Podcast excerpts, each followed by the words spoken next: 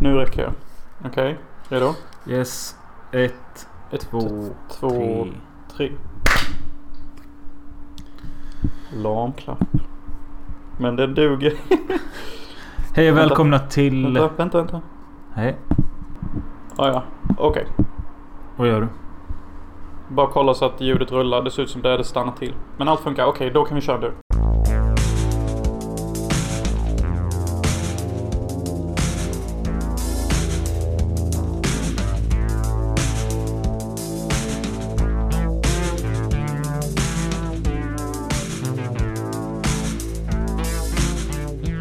Ljudet rullar och det är Filmosofi Podcast avsnitt 170.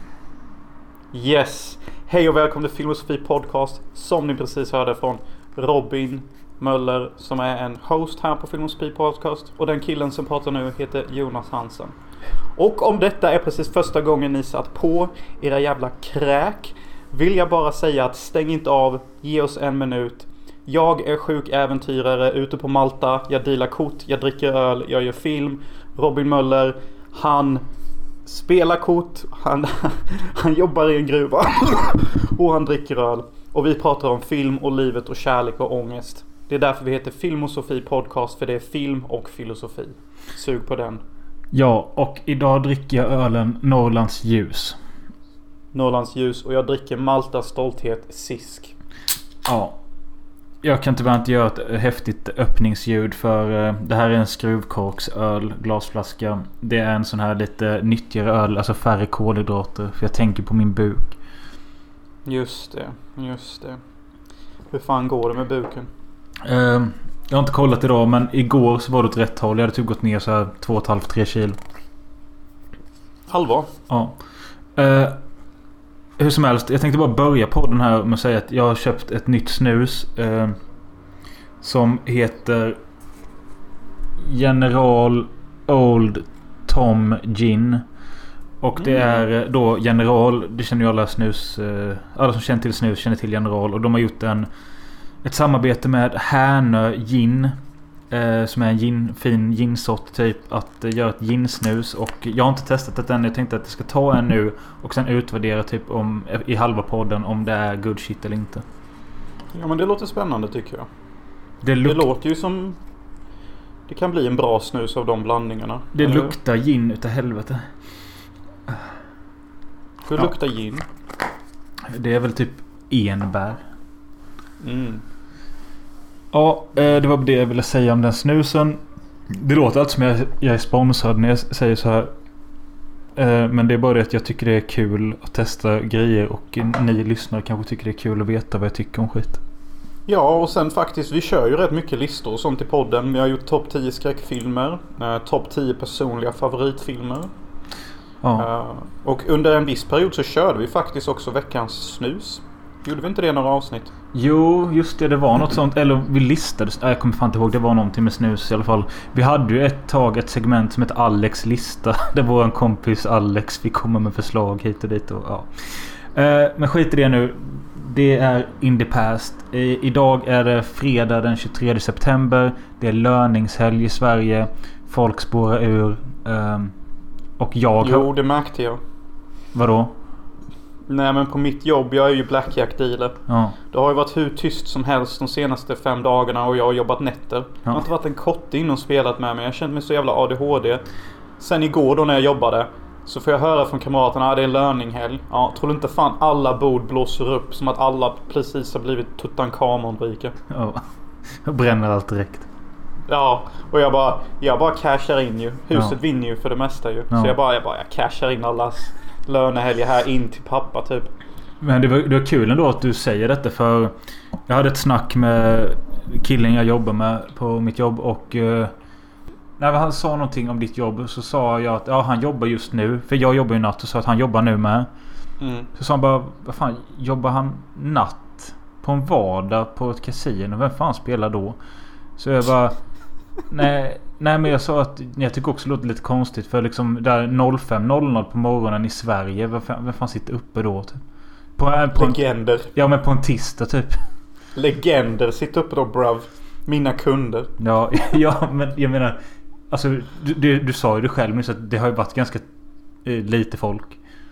Ja, innan löningen här har det varit väldigt lite folk. Jag kände mig ganska ensam där. Jag satt typ en hel halvtimme utan att spela en enda hand. Ja. Och jag gillar inte det. Jag föredrar faktiskt när vi har spelare. Jag, tiden går fortare och det är mycket roligare. Vad gör du då? Du sitter där och så blir du fortfarande filmad så... Eller kommer det igång när... Nej, jag blir ju fortfarande filmad. Vi filmar ju 24-7. Så jag är ju alltid på kamera. Men... Sorry. Kanske borde ta och kolla upp den där hostan. Nej. Men jag får inte, vi får ju inte ha någon telefon eller något ritblock eller någonting. Nej. Eh, Så jag bara sitter ju och stirrar. Typ, jag kan inte göra någonting. Det de har börjat med dock är att de... eh, Om det inte kommer in någon spelare på 30 sekunder så kommer det upp memory play. Du vet memory? Ja, Välj två okej. lika och öppna korten. jajamän. Så nu kan man göra det om man vill. Alltså du som... eh, ja, jag du- mot mig själv då. Ja, jag kan okej. spela memory mot mig själv typ. Är det kul?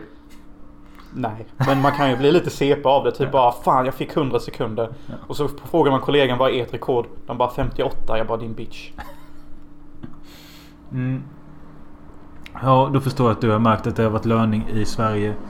Eh, jag har nog Oh, haft ja. en eh, väldigt eh, svennig lönefredag. Eh, vakna upp med sin tjej och åka till storstan och handla i sju timmar. Komma hem och göra tacos, äta tacosen och sen ta en öl. Och nu är man här. Uff, fy fan. Det är det jag menar. Robin Möller står för svenneromantiken. Och jag, eh, äventyraren, är ute och försöker hitta någon annan njutning i livet. I form av eh, latinska damer eller ryska damer eller sjuka jobb eller sådana saker. Hur går det med damerna? Det, är- det, det låter väl gå osagt känner jag. Prohibid, Nej, men Det är prohibidiamido. Ja. Det är inte mycket... Eh, jag höll på att säga något äckligt. Inte mycket fett. Nej, inte mycket slick i träsket tänkte jag säga. Vilket jävla äckligt uttryck. Nej men vad fan, jag är värsta... Jag är värsta sigma-mail. Liksom eh, typ... eh, Nej men alltså jag har många tjejkompisar och jag snackar med många brudar. Men alltså jag är, jag är en kräsen pappa. Jag, jag går inte ner på vem som helst. Och det är inte många jag liksom är så här förtjust i att jag pallar jaga dem. Nu låter det typ som att du söker efter enbart att få slicka. Ja men vem vet? Vem, jag kanske gör det. Jag är ute efter det gyllene ostronet. Ja. Det perfekta flavern liksom. Nej men ni måste förstå, alltså jag är ingen, jag är ingen madrass grabbar. Alltså jag... Alltså... Alltså vad kan jag säga? Jag är inte en traditionell eh, man typ. Alltså jag är inte ute efter att jaga så mycket poo-tang som Nej. möjligt. Jag vill ha den finaste poo-tangen. Det känns som att uttrycket fuckboy har ju dött ut. Ja det finns väl fortfarande någon fuckboy här och där. Men alltså jag är ingen fuckboy. Jag är vad Fess från That 70 Show skulle säga en specialist. Alltså jag väntar tills jag hittar en kvinna jag verkligen, verkligen vill ha. För att annars orkar jag inte pursua en kvinna in till sängkammaren typ. Nej. Sen är det också så om jag får snacka lite allvar här om detta. Du är typ ett steg ifrån att eh, inget sex innan giftermål typ. Ja men ja exakt. Men alltså du, du skämtar lite när du säger det men det är typ på den nivån jag ligger. För att liksom, inte nog med att jag måste typ, jag, måste, jag är en specialist. Utan jag måste också känna att det finns ett gemensamt intresse typ. Mm. Det är inte bara jag som håller på. Så måste jag också känna en viss trygghet med damen. Och det gör jag typ inte med någon människa. Oavsett kön. Så det är mycket som måste klaffa rätt här. Och detta är på grund av en väldigt traumatisk händelse. En gång var jag på semester och Robin var med. Han vet. Ja, men hinnan. Han vet. Hinnan. Innan. innan. Ja. Och jag låg med en tjej mot mitt bättre vetande. Och jag kommer aldrig glömma det svett. Och det, det, den oljerika hud av hinna som kletades mot mig.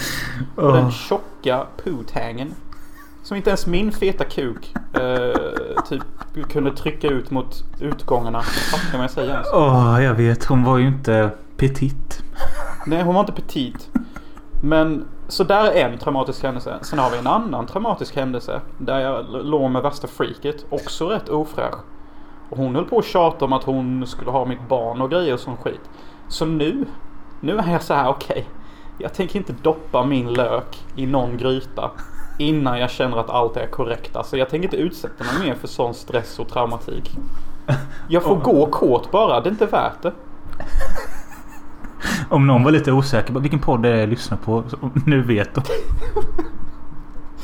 Nej men alltså, du vet, alltså som man så får man ju alltid den här typen av, ah, du måste ligga hela tiden, hur går det med tjejerna? Och jag försöker alltid förklara min ståndpunkt, no pun intended. Men killar fattar inte. Och jag bara, "Ah, obviously you have not slept with a beast. Men du, du har inte skavsår på kuken efter all tokrunk då? No comments typ.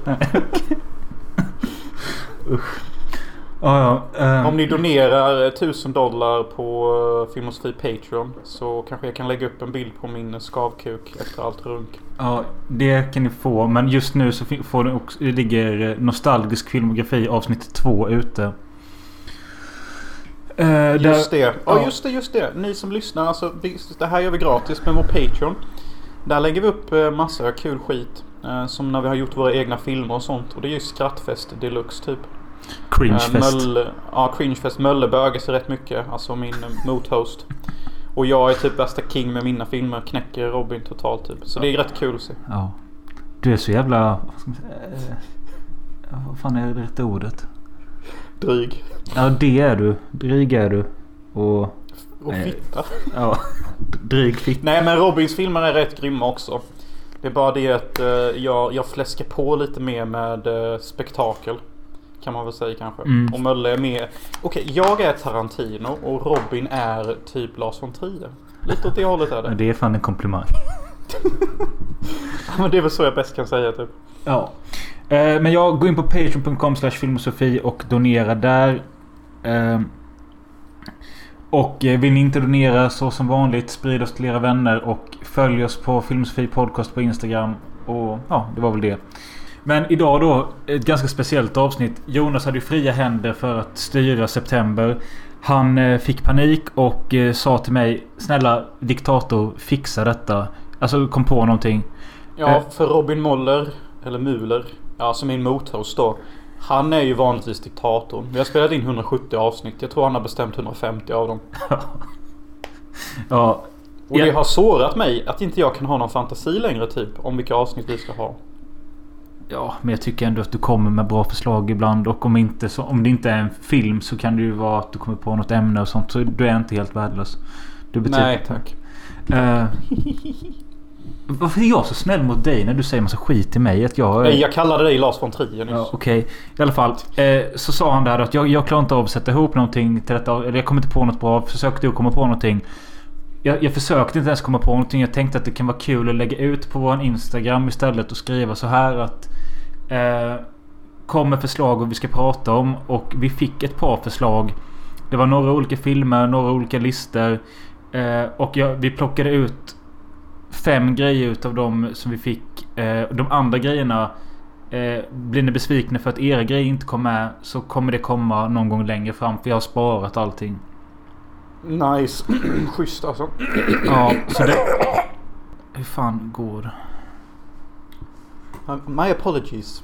I'm a nasty fucker. Ja just det, till er som är nya och lyssnar. Det är alltid obligatoriskt att dricka bira, vin eller whisky eller vodka när vi kör podd.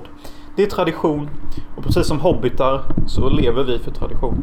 Eh, eftersom vi har ganska mycket att gå igenom idag och detta är ett lyssnarnas valavsnitt så måste vi hugga tag i det nu och jag tänkte vi skulle Ja. börja med eh, våran lyssnare eh, och IR, IRL-vän Alex, Alex Wikström. Eh, han har ju eh, en fetisch för Bigfoot, Sasquatch, eh, sådana monster. Eh, Mm. Och han har, jag vet inte hur länge han har hållit på med det, men det är typ 10 år. Han har snackat om att han tycker Bigfoot är så jävla cool typ. Ja, det, det är lite fucked up alltså. Så därför kanske han kommer bli lite besviken på valet av film jag valde. För jag, jag gjorde så här att jag sökte på Top 10 Bigfoot Movies, Sasquatch Movies. Och så försökte jag eh, medvetet leta, om, leta efter någonting som jag inte tror han har sett. Och det hittade, Jaha, det var så du gjorde. ja, och så hittade jag fyra stycken. Det ena var någon eh, barnmonsterfilm från 80-talet som heter Harry and the Hendersons. Sen var det något arthouse-drama med en Bigfoot. Och sen så var det någon dum komedi och en till dum komedi. Och det är den dumma komedin jag valde. Och det är Strange Wilderness från 2008. All right, that's got to be true, right? All right, let's go with that one. And this is Strange Wilderness. We have sound speed now. No matter how many sea lions are eaten each year by sharks, it never seems like enough. The show sucks. Two weeks from now, the show is canceled. Thank you very much. We're not canceled yet. Hey, Junior, how about you? Fresh blood, you got any ideas? Yoo-hoo! What? Måste säga här innan vi hugger tag lite i den filmen om det är det vi ska göra. Att Arthouse-film om Bigfoot, also known as Sasquatch, lät ju ganska intensivt. Du sa att du tyckte alla såg så jävla skit ut så jag bara tog någonting jag trodde skulle vara lätt-tittat. Jo tack. Den var faktiskt lätt-tittad. Strange Wilderness. Och Strange Wilderness kommer nog från 2008. Slutet av romcom-storheten som började 1995 och slutade någon gång runt 2009 där med Dark Knights. Uh, födelse till cinematiska marknaden. Varför tar Så du... kan man väl nästan säga. Absolut, men jag förstår ändå inte riktigt varför du tog upp romcom i detta sammanhanget. Tänkte det kunde vara en schysst segway som får mig att låta lite intellektuell. Som att jag faktiskt begriper ganska mycket om film och films historia. Okej, ja, det var inget fel i det. Jag bara undrade om du hade någon poäng med det. Poängen är att det är en eh, komedi och en road movie. Och road movies skämdes vi bort med under perioden 95 till 2008. Alltså hur många romcom-komedier kom det inte som utspelar sig på vägen? Alltså vi har ju Dum och Dummare, Mina jag och Ren. Okej, du kan säkert räkna upp sju till typ. Ro- ro- ro- ro- road movie, som bokstavligt talat heter Road movie. Jag vet inte vad det är. Roadtrip menar du? Ja, Road Trip ja, exakt. Ja. Eh, hur som helst, Strange Wilderness är en... Eh, alltså extrem stoner-komedi kan man kalla det. Alltså den är så jävla pundig och korkad och dum och ful. Eh, det är liksom... Den är producerad av Ad- Adam Sandler och hans bolag eh, Happy Madison. Och det förstår man typ. Alltså det känns typ bara... Ja, det är klart det är. Ja, när jag såg att de hade producerat den. Jag bara tänkte okej, jag kan ju lämna hjärnan utanför mitt... eh, jag, jag kan koppla bort hjärnan här. Den behöver inte vara med i detta. Nej, precis. Och eh, huvudrollen spelas av en kille som heter Steve Zahn. Ett ansikte man verkligen känner igen men man kanske inte riktigt kan säga vad. Men han har varit med i väldigt mycket. Mm, och hans pundarkamrat. eh, Justin Long tror jag han heter va? Jajamän. Ja, ja, duktigt, duktigt. Han är också med i varenda jävla romantisk komedi som någonsin gjorts under den tiden. Alla vet vem han är men de kan nog inte hans namn. Och vi har Jonah Hill eh, before he got skinny. För fan vad fet han är här. Och fy fan vad bortkastad han är. Ja, Hade regissören någonting emot honom eller? För alltså du vet, alltså Jonah Hill har ju talang. Han är alltid en duktig skådespelare. Rolig som seriöst. Både och oftast. Ja. Men i denna filmen är han ju completely fucking wasted. Sen är det många andra birollskådisar som är ansikten man känner igen från typ eh, Adam Sandlers kom komediuniversum. Plus typ eh, Robert Patrick, alltså T1000 eller vad han heter i Terminator 2 dyker upp. Ja, det är han T1000 från Terminator 2. Alltså ni vet den eh, med Arnold Schwarzenegger. Den som kom i början av 90-talet där ja. Det är en bra film du vet. Vill Så du? lät du. Vill du något? Alltså jag har sett, jag har den på VHS. Vi borde gå hem och se den efter jobbet med en bira. Käften ditt runk. Ja, hur som helst. Robert Patrick är med också. Och den här filmen handlar om en kille som har tagit över ett eh, tv-program. Ett eh, naturdjurprogram. Som hans pappa hade på tv som heter Strange Wilderness. Hans pappa har gått bort eller något och sonen har fått ta över programmet. Och sen sonen tog över har siffrorna dalat. Ehm, och det Men ser... det är ju för att han är kass. Ja, men när man får se lite klipp från hans serie så är det fan kul.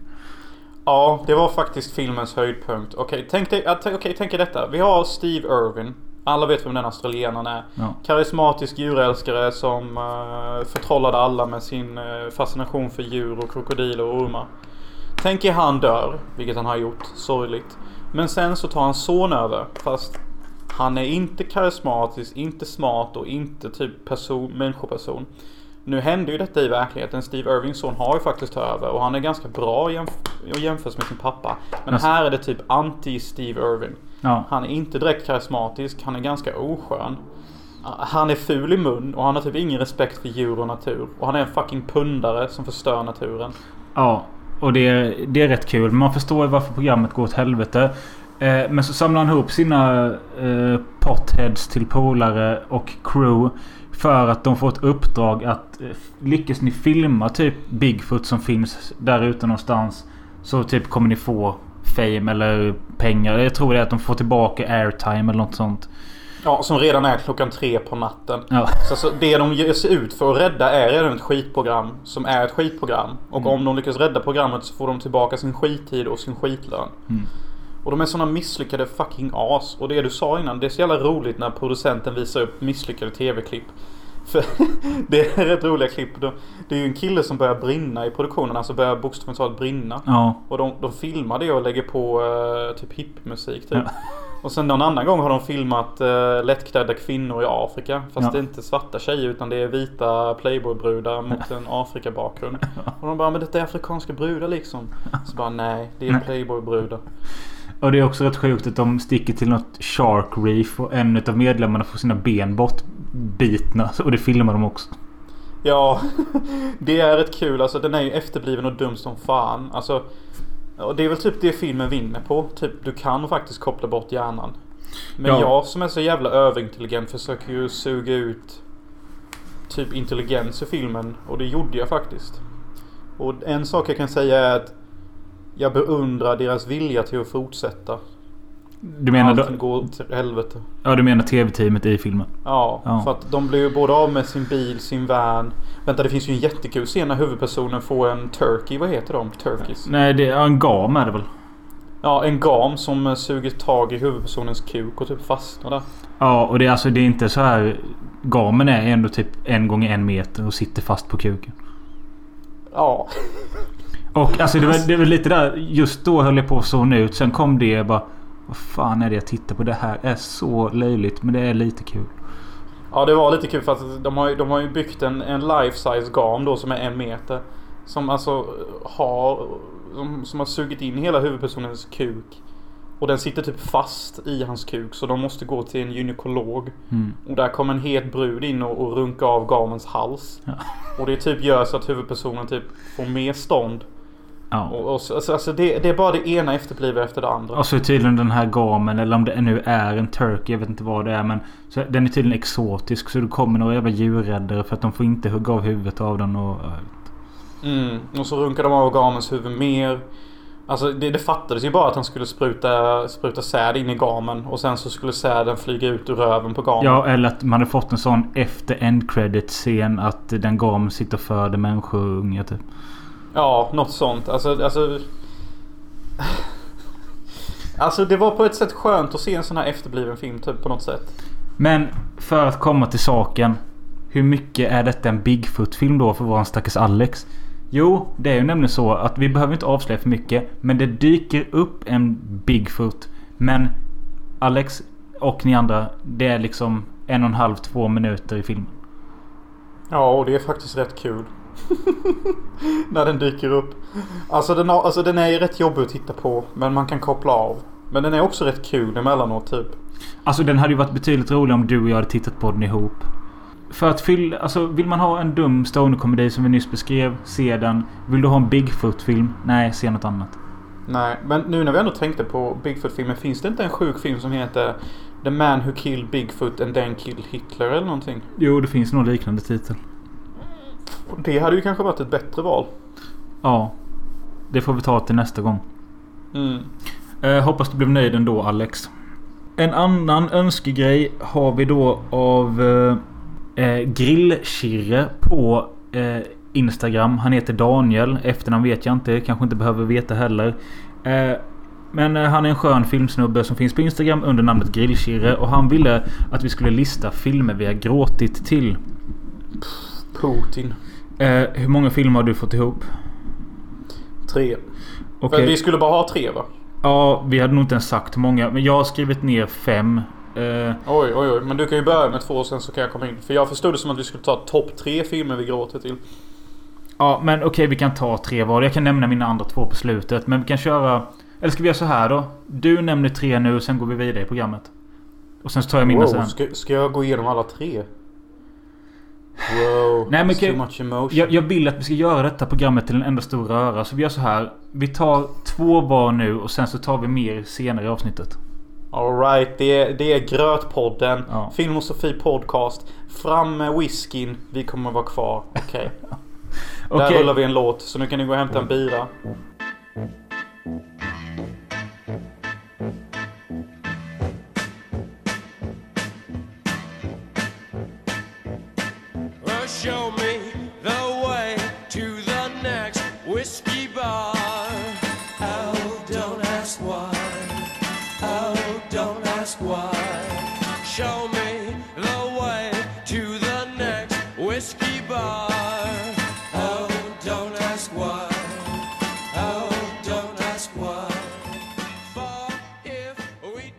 Okej, låten är slut. Ni är tillbaka. Alright. Har ni whisky i er? Perfekt. Okej, på plats nummer tre på filmer jag har gråtit till så har vi en, eh, ett drama från 95 som heter The Cure. Eh, på svenska. Den svenska titeln blev En oförglömlig sommar.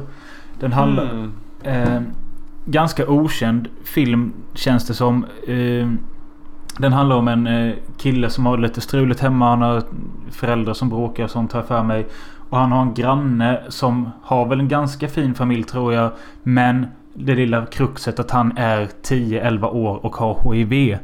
Eh, och eh, han blir kompis. Out. De här två pojkarna blir kompisar och eh, får för sig på något sätt. Jag kommer inte ihåg exakt hur det går till. Men att om vi tar oss till den här staden. Detta är USA någonstans. Om vi tar oss dit och dit. Så kommer vi hitta eh, bromsmedicin eller något så att din aids eller HIV inte blir aids. Eller att det bromsas i alla fall. Så att du kan bli frisk igen. Så att de beger sig ut på en resa någonstans genom USA för att hitta The Cure som filmen heter.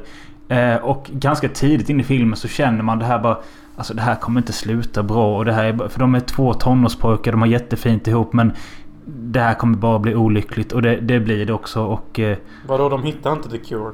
nej. Nej. Och varför, varför gråter du då till detta? Nej men vad fan det är två jättefina eh, pojkar och den andra... Ena pojken är döende hela filmen Mm. och sen... Ja vad fan oj spoiler han dör och... Det, den är jobbig. Ja. Lipade mycket eller? Jag har bara sett den en gång och jag, jag kommer inte ihåg men jag grät. Ja, stackarn. Detta är från 1995 också. På den tiden då HIV var faktiskt en, eh, en dödsdom. Nu för tiden kan man leva ett jävligt normalt liv. Och du behöver inte ens vara orolig för att smitta din partner. Om Ja. du bara går till rätt doktor. Men jag tycker det är också lite sorgligt i detta fallet att det handlar om en 11-årig pojke som... Liksom han har inte fått det genom att han har knullat någon dum ho- hora eller något sånt utan han har... Fått det genom en blodtransfusion han var tvungen att göra för något annat och då blir han smittad där igen. Nej men lägg ägg i farfars jävla feta äckliga skägg var illa alltså. Så det här är ingen, det här är ingen sol, solskenshistoria. Men eh, jag får nästan ångest när jag pratar om det. Ja. Eh, men visst, kör du en trea? Okej, topp tre filmer jag gråter till är faktiskt en film jag har nämnt i mina topp 10 personliga favoritfilmer. På plats nummer tre nämnde jag denna. Och det är filmen Highlander. Ja. Nice. Konceptet i Highlander är att det är olika personer på jorden som lever i en evighet. De kan, kan alltså inte dö. Och de slåss mot andra odödliga människor. De måste hugga huvudet av varandra. Tills det bara finns en. Sen kan de leva ett normalt liv. Och i eh, den scenen jag nämner så handlar det ju om vår person Connor MacLeod då. Och han har en väldigt vacker skotsk fru som han lever med på medeltiden i ett jättefint pittoreskt skotskt minislott med sin fru. Och eftersom han då är odödlig så måste han ju då lämna sin fru. Eller han måste inte men men hon kommer ju dö och han kommer leva vidare. Men jag berörs av vår huvudpersons finhet att han väljer att stanna kvar med sin fru. Det är ända tills hon blir 50, 60, 70, blir senil. Börjar tappa minne och slutligen dör i hans famn medan han är ung fortfarande. Ja. Och det, Det- det, det är jättefint. Det är en Alltså, väldigt fin kärlekshistoria som skildras fint också med Queens musik. Who wants to live forever ja. Och jag tycker låten passar så bra till denna sekvensen i filmen för att Låten säger verkligen Who wants to live forever Alltså när din käraste dör för dig och du Ja. förblir ung. Alltså det, det är så fint typ. Alltså de har jättefint så här. Du vet de kysser varandra. De, de föder får. Vad fan gör man på medeltiden? Sen så är det typ en, en hel bild på en kulle. Och så, så hör man Connors fru. Det bara Hello Connor, hello. Och så kommer hon upp kring kullen då. Och så ser man att hon är gammal och typ 60 plus. Och Connor McLeod där är typ 27, ung, hur frisk som helst. Och det är bara Det är sån sorg typ. Ja. Sen så ligger han med henne i dödsbädden och, och kramar om henne hela vägen tills hon dör. Alltså, The Notebook, Take Notes. För att det, det, det är pure love alltså. Ja, det, ja, jag håller med. Det, det är typ det bästa i Highland-film. Ja, det, det, det håller nog många med.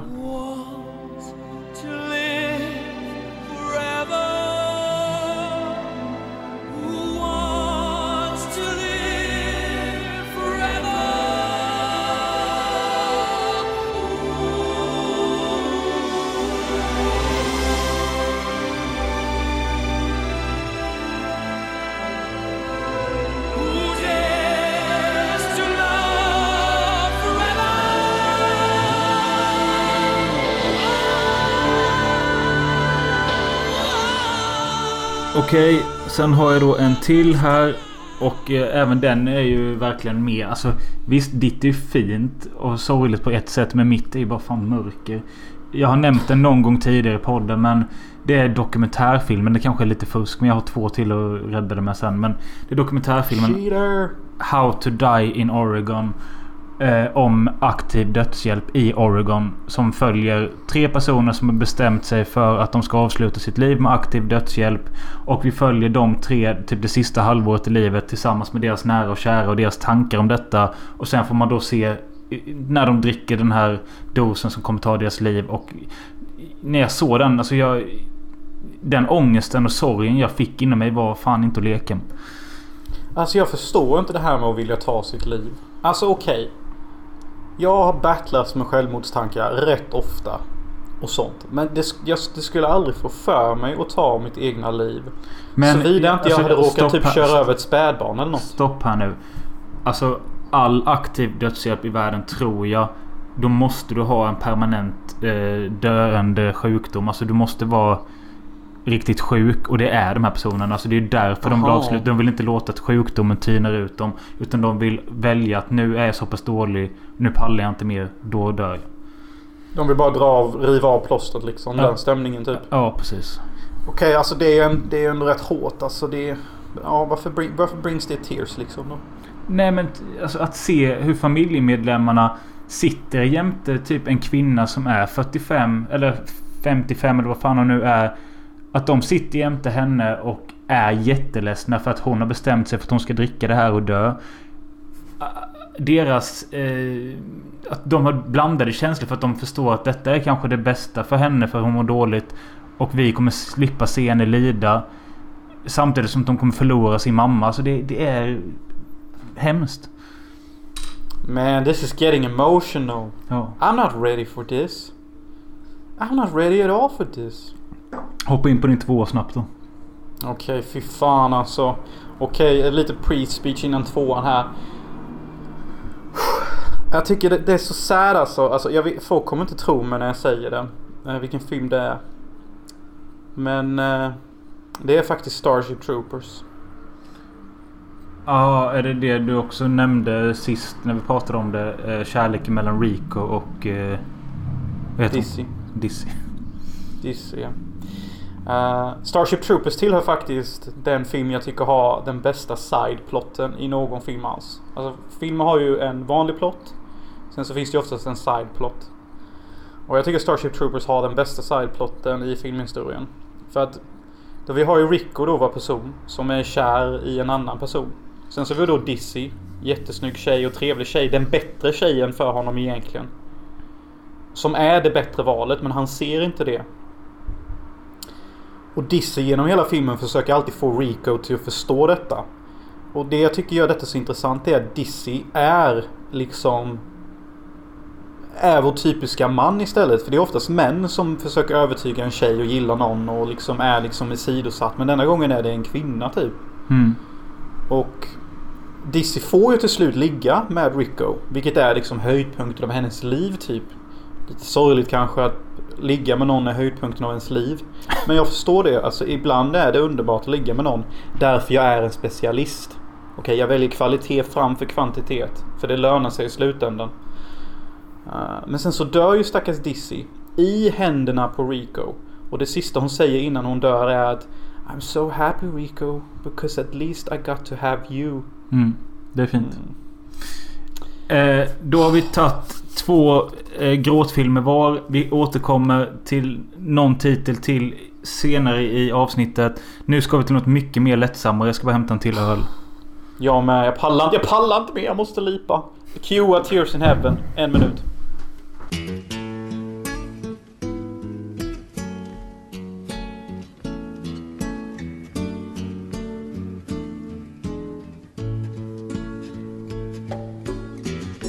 Would you know my name if I saw you in heaven? Din, din.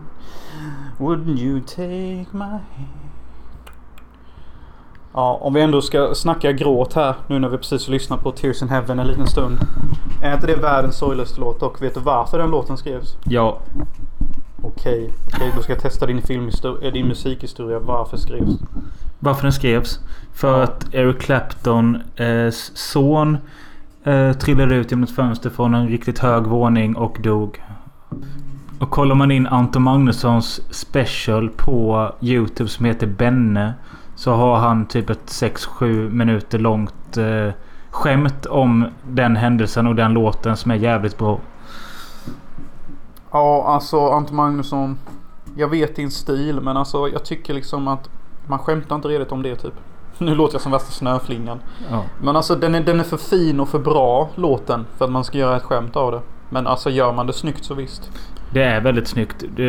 Jag ska länka det till dig. Men i Gör alla fall. Eh, som jag sa, från gråtfilmer till något helt annat. Och jag ska öppna den här Spendrups Premium Lager Bright Brew. Ännu en låg kolhydratöl. Mm. Så. Eh, jo, en annan som eh, önskade tema av oss vad, eller film, var profilen Horror, Horror Hoarding på Instagram. Bernhard heter han. Han eh, är en jävla kung när det kommer till skräckfilmer. Jag vet ingen som köper och ser lika mycket skräckfilmer som han. Eh, därav namnet Horror Hoarding. Eh, Men, men tagga, vilken legend. Då kommer han ju älska att vi, att vi kommer gå in i skräckmånad snart och vi här på Filmosofi Podcast kommer producera Sate. Ja. Eh, men eh, konstigt nog så valde han ingen skräckfilm denna gången som han ville att vi skulle prata om. Utan han sa att vi skulle se någonting av Andy Sidaris som är mannen bakom eh, den mäktiga Hard Ticket to Hawaii. Eh, och en annan film som vi pratat om i podden som heter Sexofon, nämligen Guns. Eh, detta är alltså ganska lågbudget film med brudar, babes och boobs och vapen. Det är brudar, det är babes, det är boobs och det är guns. Ja, eh, och han skrev först Andy Sidaris. Sen så bara skrev jag bara men vilka ska vi se då? För vi har redan sett Guns och Hard Ticket to Hawaii. Ja, då skrev han bara men se någonting som hans son gjorde istället. För han gjorde två exakt likadana filmer som far. Eh, som, som hans farsa. Och han heter då Drew Sidaris och eh, har följt sin pappas fotspår precis likadant. Och den här filmen vi valde att se heter Enemy Gold och är från 94 tror jag.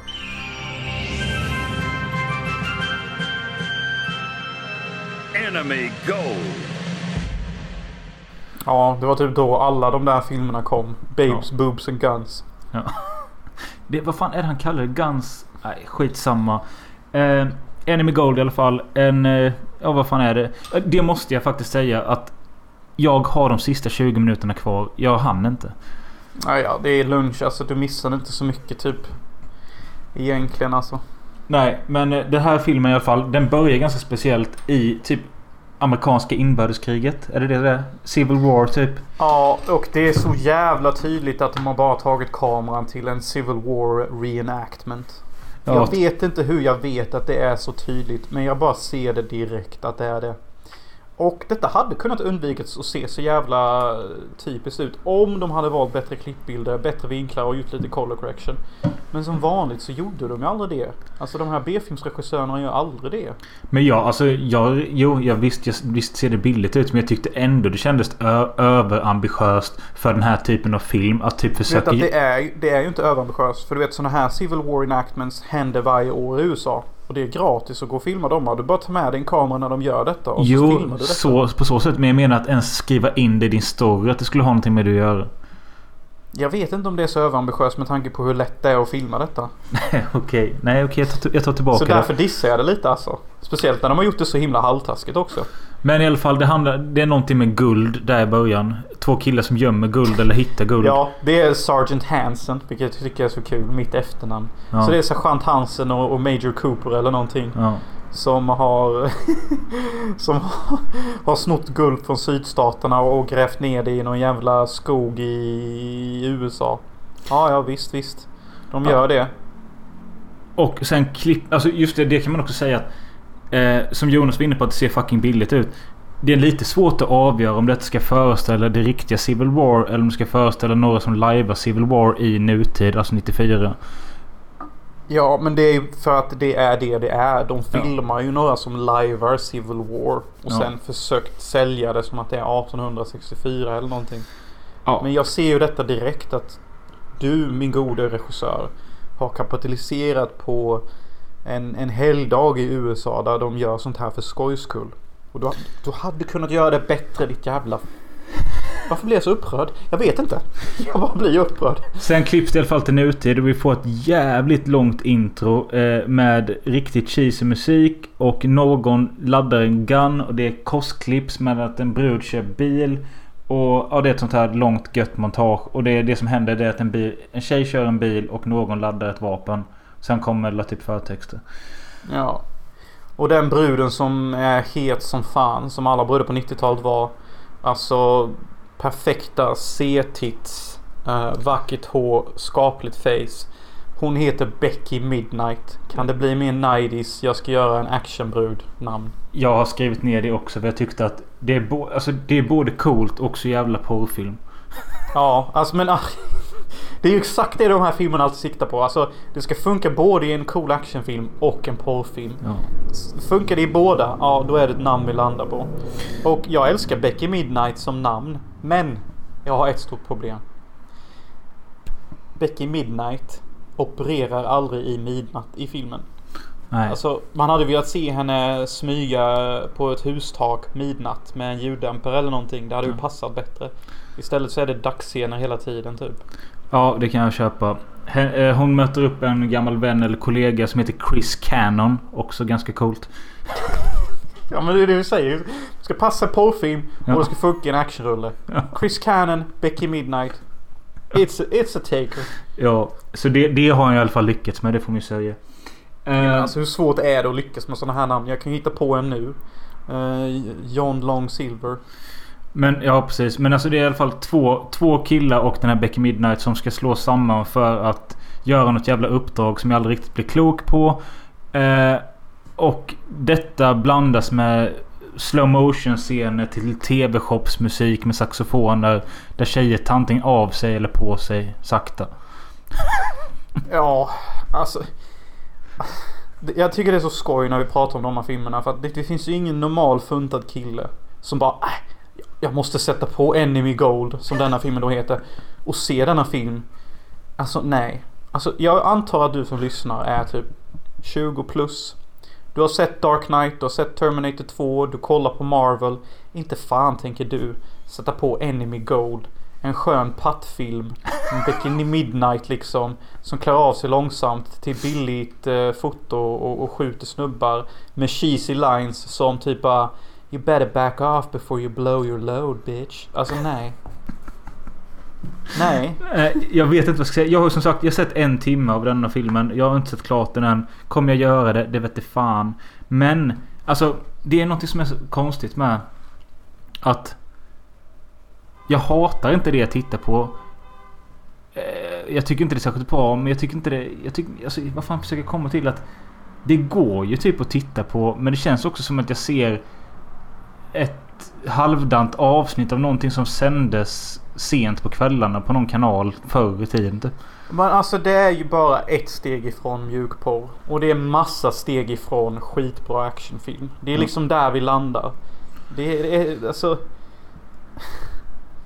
Alltså vad jag tycker är så synd med alla de här filmerna är att jag älskar att karaktärer heter Becky Midnight och Chris Cannon. Och de har skitcoola vapen. Babesen är assnygga. De har liksom ett armborst som skjuter explosionspilar. Det är jättehäftigt när hon skjuter en pil i någon och han exploderar och blir ingenting. Men det är ju så mycket skitdialog emellan och så mycket billiga vinklar. Har, har, du sett Åh. klart, har du sett filmen? Hela? Ja, jag har Hur, sett hur, hela. eh, hur är den i slutet? Alltså, jag behöver inte berätta hur den slutar men är det en mäktig final eller något? Nej, Nej. nej. Men Eller det, jo, lite mäktig final är det faktiskt. det är en sak som En är kul. helikopter exploderar typ. Jag tyckte ju att... Du har inte sett Hard Ticket to Hawaii va? Jo, såg inte vi den tillsammans? Nej, vi har sett Guns. Ja, det är ganska lätt att blanda ihop dem tror jag. Ja men förutom att Hard Ticket to Hawaii är en bra titel. Och det jag vill komma Ja, till. att det är Den, det. den är... Den tyckte jag var... Om de, det här som är dassigt i de här Guns och Enemy Gold. Det är inte lika dassigt i Hard Ticket to Hawaii. Och Hard Ticket to Hawaii har väldigt mycket minnesvärda scener och roliga karaktärer. Så den är fan Gold. Det är den som är Gold. Wow, det säger något. Och Guns har riktigt bra karaktärer och bra dialog får jag också säga.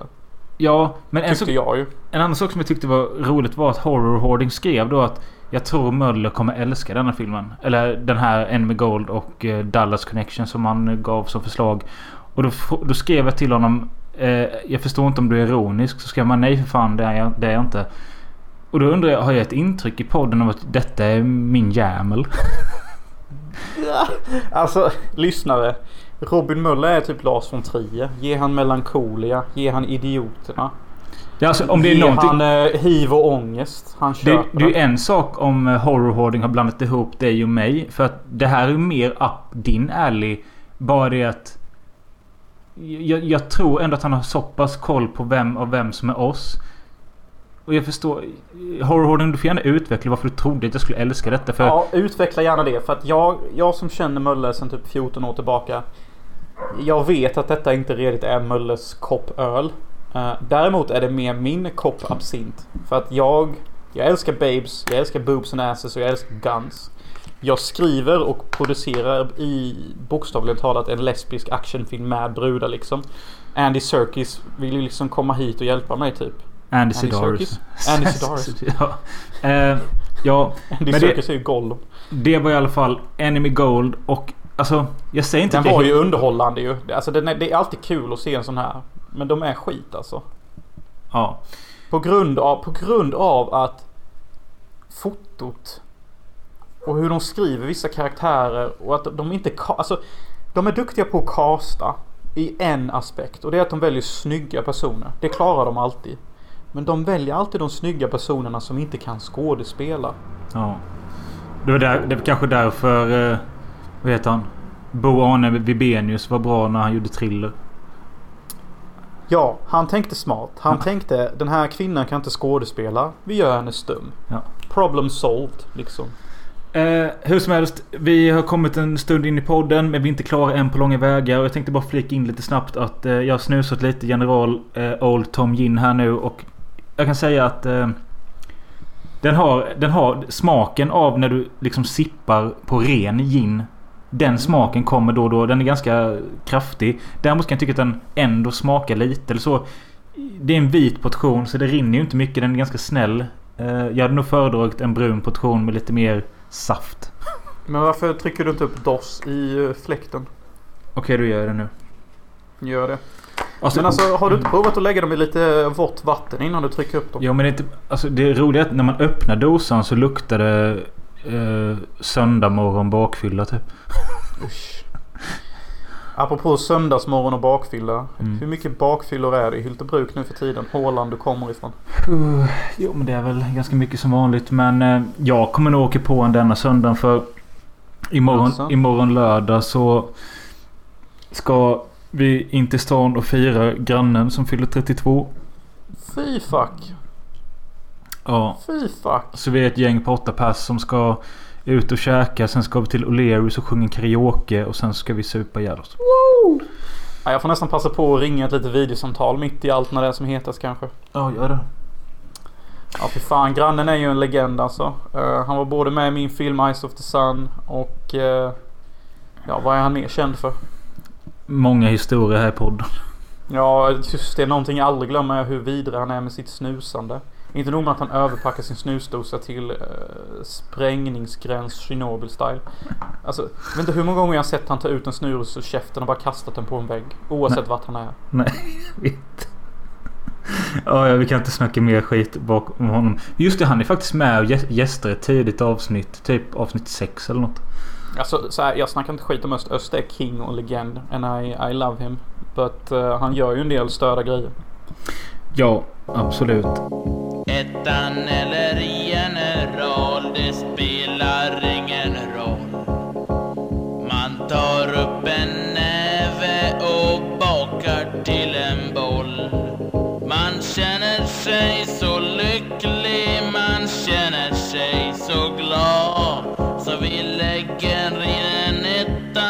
och så sjunger vi som jag. Snus boogie woogie. Snus boogie woogie. En annan lista som eh, vi fick in att vi skulle göra. Det var av film med Joakim. Joakim for show. Joakim Pettersson. Alltså allt detta är samma person. Han finns på Instagram under film med Joakim. Och han har även gästat den här podden i ett par avsnitt. Eh, han ville att vi skulle lista de bästa filmerna vi aldrig vill se om. Och det var lite, Ja. det var lite tveksamt eh, från din sida Jonas vad han menade. Och jag tror han menade sånt här. Alltså typ som att egentligen kanske den som jag nämnde i gråtfilmen How to die, die in Oregon.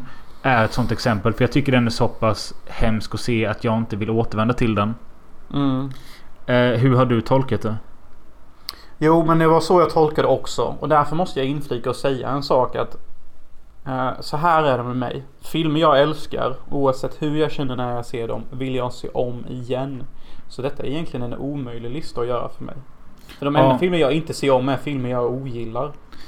Men jag lyckades ändå komma på en film som jag faktiskt älskar som jag aldrig kommer se om. Så jag har en på min lista. Tyvärr, jag måste vara ärlig. Alltså jag kan ju inte bara hitta på filmer. För att om jag älskar en film så vill jag se om den. Så enkelt är det.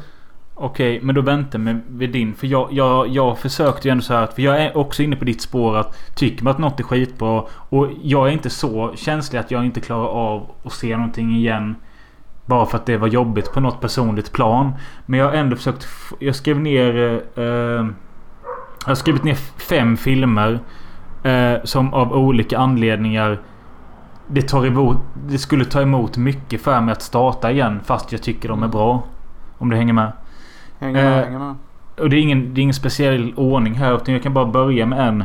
Eh, A Scanner Darkly av Richard Linklater. Eh, Men den är ju superbra. Ja, den är ju det. Men i mitt psyke så tar det emot att jag ska sätta mig in i den här halvanimerade världen. För det känns liksom som att... Eh, det är det som är tröskeln att komma in i den. Hur den ser ut är problemet för mig. Att Även om jag gillar det så vet jag att det, det kommer ta 20 minuter innan jag kommer in i det. Jag vill inte... Förstår du vad jag menar? Jag fattar det. Och, och till er lyssnare som inte vet vad A Scanner Darkly är. Det är en ultraparanoid film som är typ... Det, ser ut som en rörlig tecknad serietidning typ. Inte som Sin City utan mer gröt. Om, om det make Ja, alltså det är väl typ att de har, Det känns, det ser ut som att de har filmat Precis på ett vanligt sätt men sen slang, slängt på massa jävla filter så att allting bara Ser ut som en färgglad röra typ. Ja, de, de har filmat vanligt men sen kastat på comic book filter fast mer genomarbetat typ. Ja. Och jag fattar Möller lite vad han menar men alltså detta är ju en perf- Alltså till er som är en intelligent pundare där ute. Som röker på weed och forskar konspirationsteorier och faktiskt är smart. Ni tillhör inte skaran av dumma rökare utan smarta rökare. Ni kommer nog gilla denna filmen för det är så mycket paranoid snack i denna filmen. Alltså så många inflikar på lyssna de där, lyssna de där, vad betyder det, vad är det? Så det är en film för er. Och om jag minns det så är det en ganska bra cast också. Är det typ inte Woody Harrelson? Jo, Woody Harrison, Keanu Reeves, jag tror till och med Winona Ryder faktiskt. Ja. Nej, den, den är ju bra. Men som sagt var beredd på att en tröskel komma in i den. Ja, lite faktiskt. Den har jag ändå sett två, tre gånger alltså. Okej, en till som jag har nämnt lite för många gånger i podden. Men som jag nu nämner igen. Som är av en helt annan anledning. För jag tänkte att jag skulle försöka göra lite olika anledningar på det här temat. Eh, Mm. det är Class of 99. Och Det, Nej. jag har ju sagt det nu. Alltså, jag har sett den så sjukt många gånger. Alltså. Jag vill inte säga att jag är trött på den. Men jag bara känner att nu får det fan gå 5-6 år innan jag ser den igen. Hey, school's out, school's in. Come on bruv. What you saying dog? Alltså, Class of 99. Robotlärare. Framtiden. Ja, 1999. Ja. Hur mycket framtid det nu var. Jag tror, jag tror filmen är från 90 så det är 9 år fram. De tog ju i. ja. Ni kunde tagit i lite mer när ni tänkte Android-lärare som är robotar. Ja, men alltså, den är ju det- skitcool. Vi har ju Patrick Kilpatrick som knäcker en idrottselevs arm för att inte han vill göra armhävningar eller något. Alltså bruv. Bruv. Eh, och, och eh, en till jag har är eh, Den sjunde kontinenten. Bruv. Jag tänkte ta med den på min lista. Men jag tänkte nej, jag är fan sugen på att se om den. Ja, lite så var jag med. Men alltså, det, jag har tänkt på det i flera år. Jag kanske såg den för första och enda gången kanske för sju år sedan. Och så har jag tänkt sen dess att den kanske man borde se om. Men det är någonting som gör att jag aldrig gör det. Och det är för att jag vet att det kommer vara tungt. Nu måste du nästan förklara lite här för att okej, okej, lyssnarna vet inte Ska, vad den sjunde nej, nej okej. den sjunde kontinent. Michael Haneke brukar väl kallas typ mästaren av dålig stämning och sånt. Och... Eh, eh, han... Eller Feelbad. Ja, Feelbad är regissör typ liksom. Och han... Eh, han gjorde en film 89 som heter Den sjunde kontinenten. Och den handlar om en familj som eh, är trött på sin vardag och det vanliga svenssonlivet. Och... Eh, Fast i börjar- Tyskland då. Ja, precis. Så och det, är vanliga väldigt- tyska livet. och det är väldigt grått och det är väldigt dystert. Och man följer den här familjen när de sitter i en biltvätt. När de lag, äter mat ihop och det sägs inte mycket. Allting är mest deppigt. Sen får vi se lite från biltvätten igen. Ehm, och sen då går detta sakta men säkert på att... Sakta men säkert mot ett håll att de, de tycker inte att de ska vara kvar i denna världen. Och eh, ja, jag vill inte säga mer än så. Och nu kanske ni reagerar, vadå den sjunde kontinenten? Det finns ju bara sex kontinenter ju. Afrika, Europa, Nordamerika, Sydamerika, Jida, Jada, Jord och ni kan dem. Så vad är då den sjunde kontinenten? Så ja, så här är det. Vi får se tyska pengar kastas ner i en toalett och spolas ner. Vi får se äcklig mat lagas. Vi får se en biltvätt. Detta klipps mellan tråkiga fades to black. Och så här pågår filmen till, det, till slutet då. Väldigt otroligt och deppig och medryckande film. Och jag kommer ihåg när du såg den sist, då för sju år sedan. Du sa så här att man ska se den i ett ultrasvart rum. Ensamt, kanske eventuellt sent på natten. För när de klipper till svart mellan scenerna då, då, då sugs man verkligen in i filmens ja, ganska nedlåtande atmosfär. Ja, ja det, är, det är fan dystert alltså. Men eh, ja, nu när vi pratar om det så blir jag sugen på att se om. Man blir ju det ju. Ja. Man blir lite sugen på nedlåtande stämning alltså. Lite såhär dödsångest. Eh, och sen har jag skrivit ner Children Underground och... Eh, den, Vad fan är det? Detta är en dokumentär återigen om, eh, om det är rumänska eller vad fan är det? Ja det är i alla fall barn på något fattigt ställe i jorden som är, som är uteliggarbarn. Som sniffar lim och äter sopor och prostituerar sig och bara mår allmänt skit. Och den är så otroligt deppig att se och jag vill inte se om den. De sniffar lim, äter sopor och knullar ut sig själva. Typ. Ja, Och det är vi inte har det det här... rätt bra. Ja, ja. Vi har det rätt bra med vårt systembolag och vår tacofredag. Det ska ni fan veta. I det jävla Eh. bortskämda eh, snopphuvuden. Jag vet inte. Och den sista filmen jag har innan du får ta din är eh, Threads. Eh, en tv-film Ja, från ja. En tv-film från England från 84 tror jag det är. Eh, som gjordes för att visa hur det skulle se ut med en nuclear war eller nuclear explosion i eh, en liten stad i England. Och hur eh, konsekvenserna efteråt skulle bli. Och är alltså... Den är väldigt välgjord och ångestfylld. Eh, och speciellt nu när vi lever i krigstider så känner jag att den var jobbig nog när jag såg den första gången förra året eller vad det var. Så Ja, det var, ju, det var ju kalla kriget 1 då. Nu är vi ju kalla kriget 2. Detta är uppföljaren. Så då passar det ju att återgå till eh, Threads då. Jag älskar att du säger nuclear explosion när det egentligen det svenska uttrycket är atombombsexplosion. Vad menar du att jag, att jag sa det på engelska? Ja, jag vet inte. Jag tyckte bara det var lite småskoj. Ja. Ja, förlåt. Men du känner alltså ångest inför detta alltså? Men hur är situationen nu? Jag vill bara segwaya lite här. Hur är situationen nu i Sverige? Jag hänger ju inte med i politiken längre. Jag har ju lagt ner det. Eh, Är det mycket Putin, mycket bomber, mycket hets eller? får, jag- får jag fråga, har du en hund? Nej, nej, det är bara grannens hundar som håller på. Den slutar när den slutar typ. Okej, får vi höra din sista bästa filmen du inte vill se om? Eller din enda menar jag. Förlåt. Mm, det finns en. Och jag försökte faktiskt forska lite om detta, vad, filmen heter. Jag kunde inte hitta det. Nej, okej. Men jag, jag minns filmen så jävla väl. Ehm, det är en film från 1978, 79 eller 80. Och det är en italiensk sexfilm. Uh, gjord av Bernardo Bertolucci eller något sånt skit, inte fan vet jag. Uh, och den utspelar sig i slutet av hippietidens högtid. Och filmen börjar jättelättsamt på en strand och vi följer två jättesnygga blondiner. En kanske är brunett, en kanske är blondin. De är skitsnygga, de är jätteunga. Och ungefär 80% av filmen består av att de här två jättesnygga unga damerna lallar omkring och visar brösten överallt och hetsar män och, och, och hamnar i hippieläger och är med i protester och de har inga bekymmer i hela världen.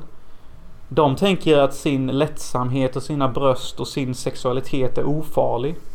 Och de tar njutning i att män vill ha dem och att de sprider glädje till vissa och bara kåthet i andra. Tills vi kommer till de sista tio minuterna av filmen. Då deras lättja och deras lallande och, och lättsamhet inte lönar sig. Och det är när de håller på framför fel sorts män. Och i de sista tio minuterna får vi se hur de våldtas med en trädpinne i fittan. Okej. Det låter Medans- fan som...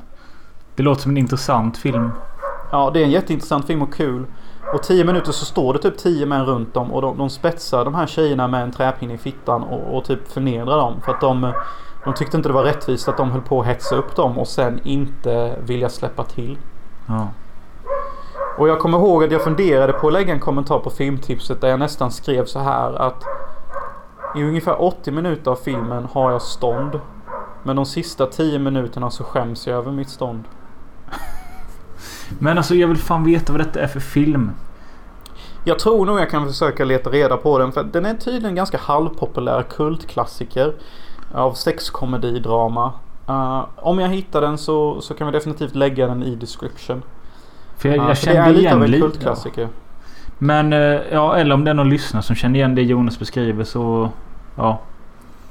Alltså den börjar så himla lättsamt men på ett sätt så kan jag nästan också tycka att detta är, detta är en ganska smart film. Och speciellt nu. För jag tror det är många kvinnor där ute som som gärna utnyttjar sin kraft som eh, sexuellt åtråvärd kvinna. Och jag tror inte riktigt de begriper vad det är för signaler de sätter ut i världen. Och mer ofta än någonsin så sätter de sig mer i siktet av fara än att de bara skojar omkring. Men vad är det då som gör att du inte vill se denna igen? Därför för det första. Jag tycker inte det är kul att sitta och vara kåt i typ 70 minuters sträck och inte Nej. få utlösning. Och sen så tycker jag inte det är så kul att när jag väl har börjat gilla dessa kvinnor och få se dem bli mörbultade av en träpinne i fittan på grund av deras sexuella idioti och oförståelse inför hur människor faktiskt är emellanåt. Det finns en tid och plats för lättja och, och, och sexuellt utvikande. Och det har inte de här kvinnorna lärt sig innan det är för sent. Nej. Och detta är någonting, alltså jag är inte kvinna. Jag kan egentligen inte tala för kvinnor. Men jag tycker att detta är någonting kvinnor borde faktiskt ta till sinne lite ibland. För att jag tror att kvinnor tror att typ män är normala. Och det är vi inte. Och vissa av oss kan, eh, kan skydda eh, vår CP-het och hålla tillbaka den. Men många av oss kan inte det och det är väldigt farligt för kvinnor. Så de måste veta när och var de kan vara sexuellt frigjorda. Ja, det ligger då någon poäng i det. Mm. Och det gör denna filmen typ jättejobbig att se. För att den gör sån jävla 180. Och det passar så bra. Det gör filmen så himla minnesvärd. Men det gör också att jag vill fan inte se skiten igen. Nej, jag förstår. Den har typ svetsat sig fast för evigt. Dock kommer jag inte ihåg titeln av någon jävla anledning. Nej. Eh, vi måste gå vidare i programmet och eh, vi... Eh, detta valet, eh, detta tipset eller förslaget är eh, gjort av Indie Grinder Mattias Pettersson. Mattias Indie Pettersson. Eh, han skrev massa förslag. Jag sparade dem. Men ett förslag han skrev kände jag bara att ja, det är väl för fan dags då. Och då skrev han Indiana Jones. Och... Eh, jag ska fan För- knäppa en för Möller, jag glömde säga det i introduktionen. Möller har inte sett Gladiator. Han har inte sett Patrioten. Han har inte sett Rädda Mening Ryan. Han har fan inte sett en enda Indiana Jones-film. Han har inte sett Mission Impossible 1-6. Han har inte sett Nyckeln till frihet. Kanske. Kanske du har. Jag har sett Nyckeln till frihet. Jag har sett en Mission Impossible typ fyran eller femman. Den med Rebecca Ferguson. Okej, okej. Så, så, så det här menar Killen driver en filmpodd. Men han har någon, av någon anledning valt att inte se de mest erkända bästa filmerna som gjorts. Nej, men jag har också hört att jag sett Children Underground How to Die in Oregon istället. Okej, det är lite pluspoäng i kanten. Men att du inte har sett Indiana Jones 1. Det är fan...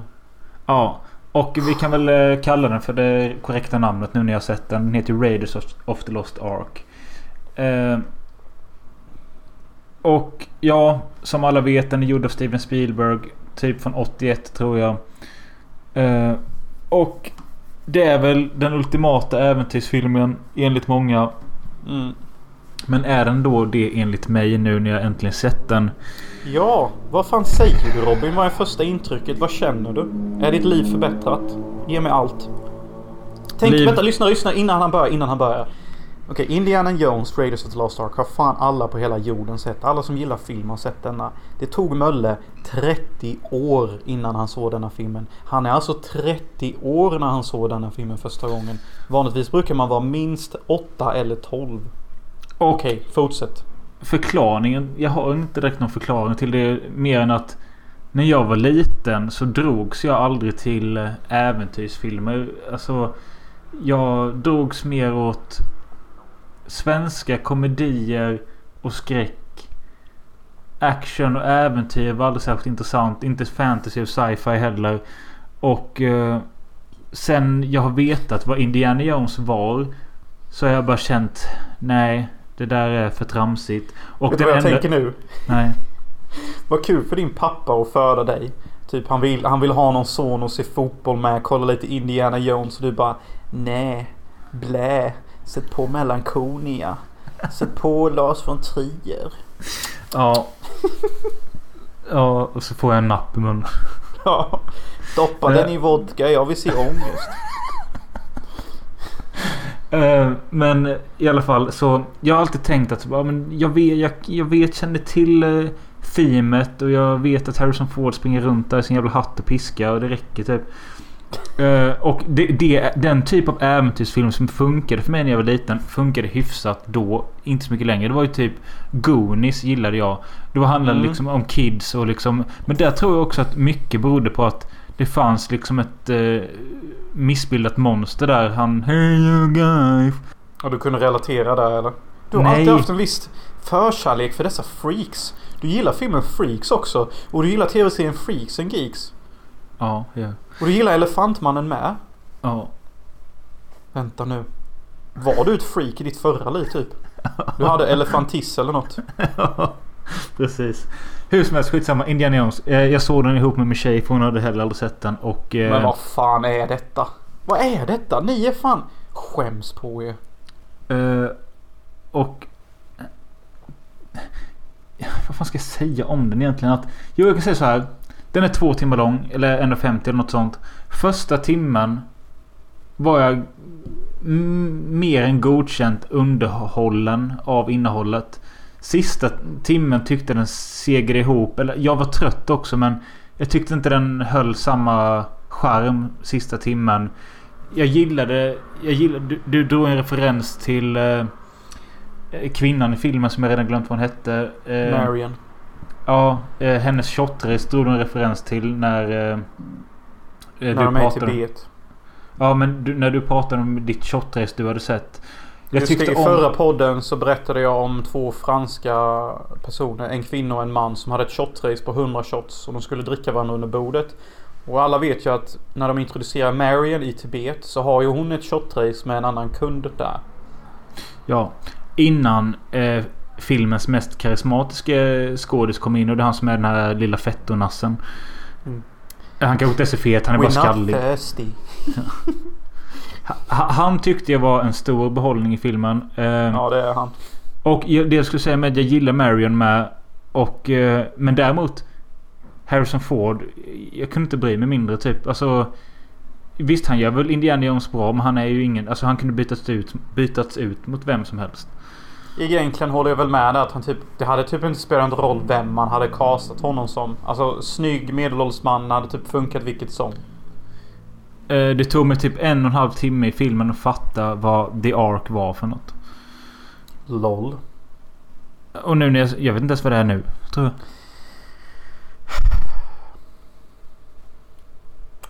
Ja, jag, jag gav det en suck. Men jag borde egentligen gett den till mig själv också. För jag kliar mig lite på huvudet här och tänker vad fan är arken? Det måste vara Pandoras ask va? Ja det är det.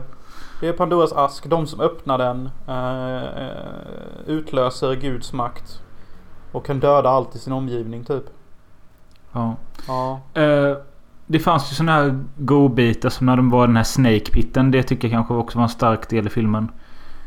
Okej, vad är mer för höjdpunkter då? Jag har två höjdpunkter jag tycker är skitbra. Och vilka är dina? Ja, det är väl då Snake Pitten och... Eh, Snake Pitten. Det låter så jävla fult. eh, nej, vad fan skulle du mer säga? Hmm. Gillar du inte det när han tysken kommer in och bara Americans always dressing up for the wrong occasions? Minns inte. Nej. Eh, jag, alltså jag tror du har sett filmen 20 gånger. Jag har sett den Ja. en gång. Det var rätt trött. Eh, men... Jag, jag vet inte mer vad jag ska peka ut som höjdpunkt. Men alltså överlag helt okej underhållande och en stabil under, eller äventyrsfilm. Eh, kommer jag se den igen eller någon av dess uppföljare? Nej, det gör jag inte. Dock Temple of Doom är skit fucking bra. Det är ju den med sekten och brinnande hjärtan och sånt. Kalima. Ja, Kalima. Men alltså vad, vad tycker du Indiana Jones är typ asbra? Eller Raiders of the Lost Ark? Alltså, när det kommer till Raiders of the Lost Ark. Jag tycker att det är nog... Jag, jag är på din sida där. Det är helt okej underhållning. Men jag tycker två av höjdpunkterna i filmen är ju när de är i Tibet. För att jag tycker den är så snyggt fucking filmad den actionscenen med skuggorna och elden. Alltså det är bara en jävligt snygg scen. Steven Spielberg har aldrig ljusat en bättre scen. Och jag tror jag aldrig har sett en bättre ljusat scen actionmässigt sett. Uh, och min andra favoritscen är ju när den där eh, stora feta tysken vill slåss Ja, det. vid planet. För jag, tycker det är så, Ja. jag tycker det är så kul typ. Han kommer ut från ett tält. Han bara, ja okej, jag ser en sjuk snubbe här. Jag ska Ja. gå upp och slåss med honom. Typ, okej, varför tänker du än så? Du är så sjuk Nej, det är väl huvudet. kul. Och sen så blir han helt strimlad och blodet sprätter på hakkorset. Det är ju jättecoolt. Det kunde jag också uppskatta att eh, i vissa tillfällen i filmen så var det liksom lite mer blood and gore än vad jag hade förväntat mig. Alltså typ såna här äckliga dödskallar och lite blod och splatt och sånt. Och det, Så- det gill- Det gillar jag som fan faktiskt. Och tyvärr har de andra filmerna inte det. Och kanske Temple of Doom lite. Då är det Men, inte där de eh, sliter ut ett hjärta eller något. Ja, och, och Temple of Doom tycker jag är så jävla häftig. Ja, det är så jävla coolt att han sliter ut ett hjärta. Håller det upp så och hjärtat börjar brinna. Och jag tycker också historien bakom Temple of Doom är skitbra för Steven Spielbergs fru har lämnat honom. Så han kände att jag ska, jag ska göra så att Indiana Jones lider också. För att den ångesten och smärta jag känner ska Indy också känna. Och jag tycker det är så kul när man märker av hur regissörer lägger sig själva i karaktärerna. Och hur det påverkar filmens utgång. Är det Spielberg som gjort alla Indiana? Ja, alla fyra faktiskt. Då kommer det ju en femte nu nästa år. Ja, lägg ner. Vad fan är Harrison Ford 80 eller? Ja, och jag säger detta. Alltså om ni inte DHar Harrison Ford. Inte fan köper jag att en 80-åring piskar runt och slår ner folk. Ni får fan DHa honom. Och för det andra. Harrison Ford var inte sexig när fjärde filmen kom ut. Så han är fan inte sexig nu. Alltså han var sexig i Indiana Jones 1, 2 och 3. Men the sex appeal is gone. Please DH. Make it something for the women. Alltså jag, jag nej. Nej, jag köper det. Men alltså så här. Jag ångrar inte att jag sett Raiders of the Lost Ark. Men... Hade kunnat dö lycklig utan att ha gjort det? Ja. Men ja, du missar ju lite dock i Temple of Doom. Det finns ju en jättesjuk scen där de äter äcklig mat och sånt. Men den kanske du redan har sett. Nej, jag vet fan. En annan sak jag tänkte på också. Det var när jag var inne på Letterboxd och, och kollade betyg på denna av mina vänner. Alla typ satt så här. Ja men 4 och 5. Eh, och... Så här då. Om du inte har vuxit upp med den när du var mellan 7 och 14 år. Och ser den för första gången nu. Då tror jag fan inte du kan sätta ett sånt högt betyg för att det måste bero på nostalgi och att den är ju jättehäftig för en 12 12-årig pojke. Men den är inte så jävla häftig för en 30-årig man som aldrig har lev, vuxit upp med den. Jag köper det och för mig är filmen faktiskt bara en 3 av 5. Jag dock Ja. älskar jag Temple of Doom och tycker det typ är en stark 3 eller svag 4. Uh, men alltså detta är ju mer en sån här film man ser med sina boomerföräldrar. Alltså de som verkligen älskar de här filmerna. Alltså för Ja. då kan man ju liksom känna med deras... Ja, kommer ni ihåg denna när vi såg den när, var, när vi var 20 typ? Alltså det blir en annan feeling då. De skrattar ju mer åt allting. Ja. Jo, jag förstår vad du menar. Eh, men ja. Jag har i alla fall sett Raiders of the Lost Ark. Jag kan bocka av den nu på de filmerna. Men det är ändå respekt Mölle. Alltså, nu, nu är du mer trovärdig som filmpoddare. Eh, har Nästa bara- vecka kör vi Gladiator tycker jag. det händer ju inte. Alltså den är så Eh. jävla tung!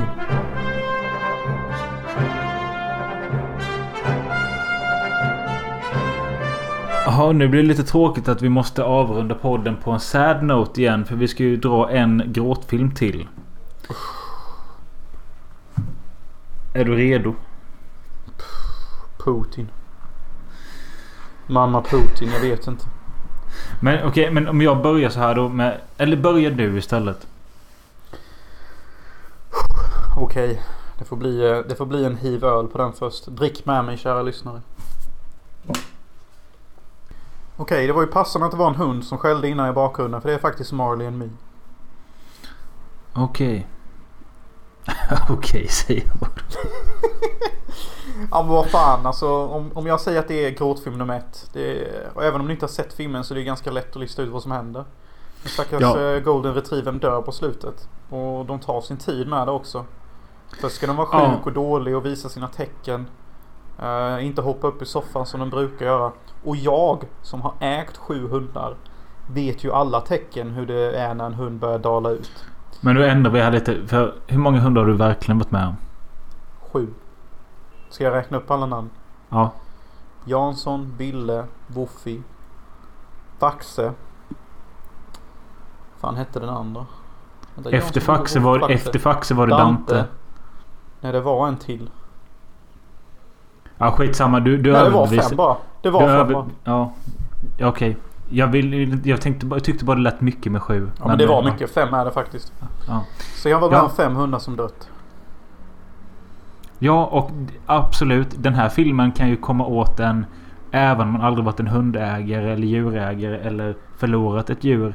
För den är alltså upplagd som en varm och mysig romantisk komedi eller romantiskt drama, familjefilm. Som kretsar mycket kring en hund som får väldigt mycket speltid. Eh, Owen, Owen Wilson är... Eh, eh, det? Jätteskön som alltid. Ja, och Jennifer Aniston är hans fru. Och deras fina hund är en jobbig valp som sen blir vuxen och är fortfarande jättejobbig, biter sönder allting. Men den blir charmig och den blir en del av samhället och communityt de lever i. Och, Och, familjen. För den skärper sig sen när barnen kommer och blir mer av en, liksom en, en stilla lugn för alla barn och sånt. Ja just det, den skyddar ju barnen och sånt. Och det är också en genomgående grej i filmen att eh, eh, pappan då, Owen Wilson, han har liksom lyckats få lite av karriär genom Marley för att han skriver små krönikor om vad Marley hittat på varje vecka i dagstidningen. Mm, exakt. Och eh, det, jag för mig att filmen bygger på en sann historia. Vilket är... Det, det, är- alltså, det, är ingen Ja. sådär, det är ingen unik eller otrolig historia. Men den, i det lilla så är den väldigt fin. Ja, och jag har faktiskt läst boken också, sjuk som jag är. Och boken är också jättebra. Eh, så den är... eh, men jag kommer ihåg första gången jag såg denna. Eh, det var på bio i Halmstad. Jag tror jag gick i gymnasiet. Det var jag och sju tonårsbrudar också. Jag, jag kände inte dem. Nej. Eh, och de sist, jag var så patetisk. Jag måste ha gått igenom det avancerade puberteten eller någonting. Typ the aftermath eller någonting. För att alltså de sista 20 minuterna och 20 minuter efter eftertexterna rullade jag, jag lipade typ i 40 minuter. Och jag kommer ihåg hur tjejerna som satt framför typ De grät ju också. Men efter ett tag när de hörde mig fortsätta gråta. Jag tror de fnittrade lite och viskade mellan varandra. Typ, vad är det för jävla freak? Vad är det för jävla freak som sitter där och gråter hela tiden typ? Och jag... Vad fan det var skitjobbigt. Alltså, så- det är som Keanu Reeves sa liksom. Typ, alltså, vi kan filma hundra människor som blir ihjälskjutna. Vi rycker på axlarna. Tycker det är coolt kanske. Men vi dödar en hund. Och vi reagerar väldigt starkt. Och det är för just att hundar är jävligt oskyldiga alltså. De, har, Ja. de hyser inte agg. De är aldrig elaka. De är väldigt lojala.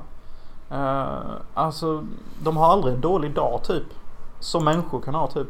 Nej. Eh, de lever i nuet. Eh, de är där för oss människor och eh, Alltså de är helt enkelt vår egentliga förebild. Vi behöver inte ha, vi ska inte ha Putin och Elvis Presley eller Joe Biden eller Donald Trump eller Jennifer Aniston som våra förebilder. Det är människor. De felar hela fucking tiden och vi vet egentligen inte vilka de är. Våra förebilder bör egentligen vara hundar. Det var fint sagt. Om det stämmer vet jag inte. Men eh, det var fint ändå. Mm. Eh, jag har nog också fällt en tår till Marlon Me. Eh, frågan är om jag inte fällde fler tårar till High Cheek och A Dog Story dock. Ja, den är också en klassiker. Men har, alltså, du sett, har du sett Ja, den? jag tror jag såg den någon gång men jag minns inte riktigt. Men det jag kan säga om sådana här filmer där hundar dör. Alltså om du bär på mycket. eh, En, en dålig breakup, eh, en, en död släkting. Ett skitliv som pågått för många månader för länge. Alltså slå på Marlin Me och bara ut med skiten. Att gråta är att släppa loss och releasa dålig energi. Kanske inte gör det på en biograf där alla tror att du är ett CP dock. Kanske bättre att göra det i din ensamhet. Ja. Eh, och med det så ska jag då säga min sista gråtfilm. Eh, som jag har nämnt tidigare i podden. Och det, den, den är egentligen... Den är löjlig men jag vill ha lite olika gråtfilmer. För de, de där How to Die in Oregon som jag nämnde och The Cure som båda handlar om sjukdomar och död. Det är ju väldigt eh, dystert och hemskt. Det här var bara för att jag var emotionellt rubbad själv. Eh, jag var typ 20-21. Så typ 10 år sedan. Har haft en hård fylla. Vad som hände på den minns jag inte. Men jag minns att jag vaknade upp dagen efter. Slog igång Flashdance för första gången och grät. Wow! Ja, den kom lite oväntat där alltså. Alltså skö, skönt val alltså. Ja. Flashdance är ju en skön klassiker. Alltså, snygg brud som svetsar, dansar. Tight är hon. Och det jag tror jag grät till var bara att...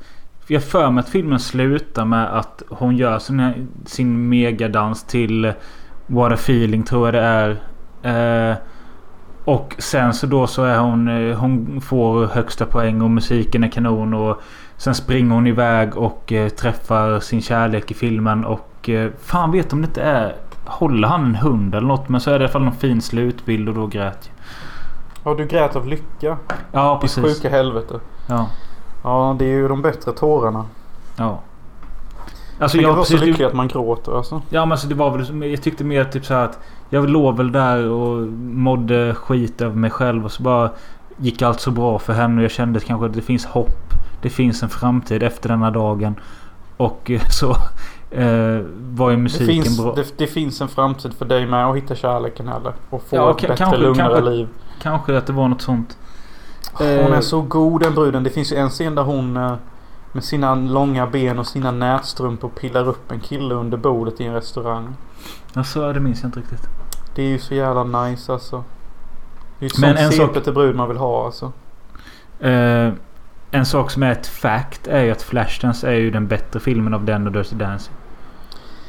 Oh ja. Alltså. Please put baby in the corner, Dirty Dancing och ta fram Flashdance. Jag Ja. ser ju hellre den alltså. Absolut.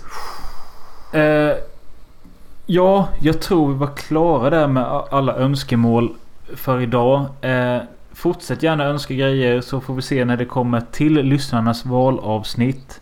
Har du någonting du vill säga mer Jonas innan vi lägger av för idag? För jag måste pissa. Nej men vad fan kan jag säga typ alltså. Välj kärlek före hat. Eh, om du bråkar med din närmsta. eh, gör inte slut typ. Utan bråka färdigt och se hur du känner dagen efter. Uh, Ja. Sån skit. Och eh, det ni har framför er nu är ju eh, oktober och det kommer betyda skräckfilm och eh, ja, det är väl det det kommer betyda. Skräck och eh, ja, Ska, ska vi nämna lite hur vi kör upp vår skräckplan eller? Så folk vet vad de har se fram emot. Ja, vi har ju tänkt så här att för varje avsnitt som kommer att vi kommer ta en erkänd klassik, klassisk skräckfilm. Och du tänker liksom en som alla känner till. Som är gjord mellan 67 och 97. Som känns som en klassiker typ.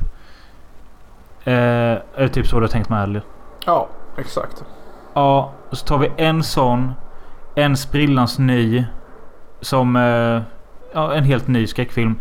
Och en som kan komma kommit när, lite när som helst och eh, kan vara lite vad som helst. Något vi inte har sett som kan vara skitbra, kan vara skitkast. Och den första erkända klassikern som kommer ut som vi kommer att prata om är The Exorcist. Kanske den mest kända, erkända skräckklassikern genom tiderna. Eller? Va? Eller hur va? Ja, jo, jo. Det är kanske typ den Hajen och The Shining kanske. Ja. Ja, så ja, det ska bli kul. Skräckmånad kommer upp på Filmens Fri Podcast. Bara skräck. 30 dagar. Let's go. Yes, tack för att ni har lyssnat. Hoppas ni tyckte avsnittet var kul. Och Jonas, hoppas du får en bra kväll. Detsamma du och förlåt innan för att jag kallade er jävla kräk. Ni är underbara människor som lyssnar. Det vet ni. Va- varför kallar du dem jävla kräk? Ja, men jag försökte bara vara charmig och cool eller någonting. Ja, ja. Hej då. Cool.